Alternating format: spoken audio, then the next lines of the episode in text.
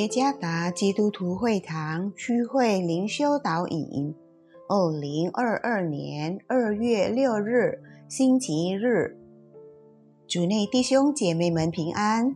今天的灵修导引，我们要借着圣经罗马书第三章二十五上节来思想今天的主题：因信而得挽回。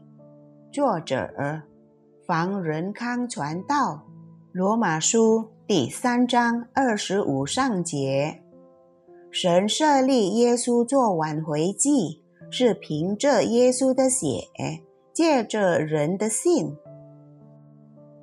大约三十年前，一对夫妻由于家庭中的矛盾冲突而分开，三个孩子由母亲一手抚养长大。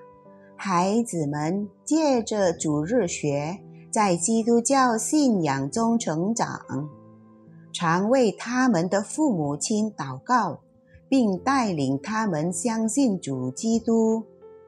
他们的父母接受了耶稣，成为他们个人的主和救主。之后，父母亲和好，且复合了。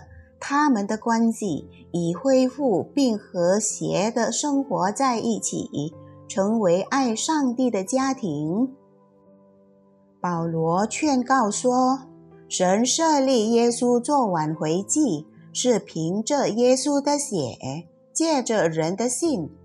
所谓挽回祭的概念，不该用希腊的神话学说来理解。”这些神话学说经常教导有关愤怒的神和女神，且需要人类献上某些固定的牺牲品来平息他们的愤怒，例如祭品。上帝并非如神话学说所讲述的神和女神。保罗强调。唯独上帝自己才能平息他的愤怒，并非人类以及他们所献上的祭品。上帝的愤怒经常与他的公义和圣洁位格有关联。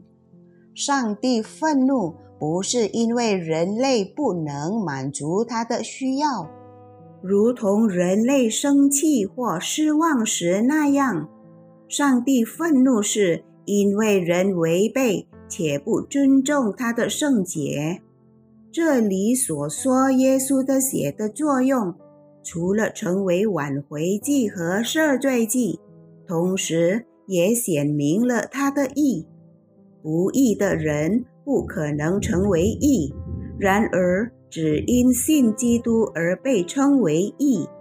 希腊文 d i g o s u n e 上帝透过基督的牺牲来显明他的义，且唯有借着基督的宝血，人类才能从他的罪中得洁净、得挽回。只能在耶稣基督里发生。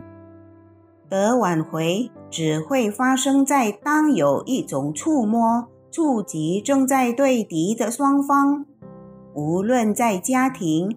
事业、友谊等等方面的冲突，唯有在基督的宝血里，真诚和使复原的触摸才会发生。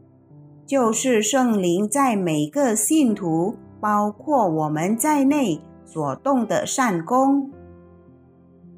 没有耶稣基督的宝血，就没有真正的赦免和得挽回。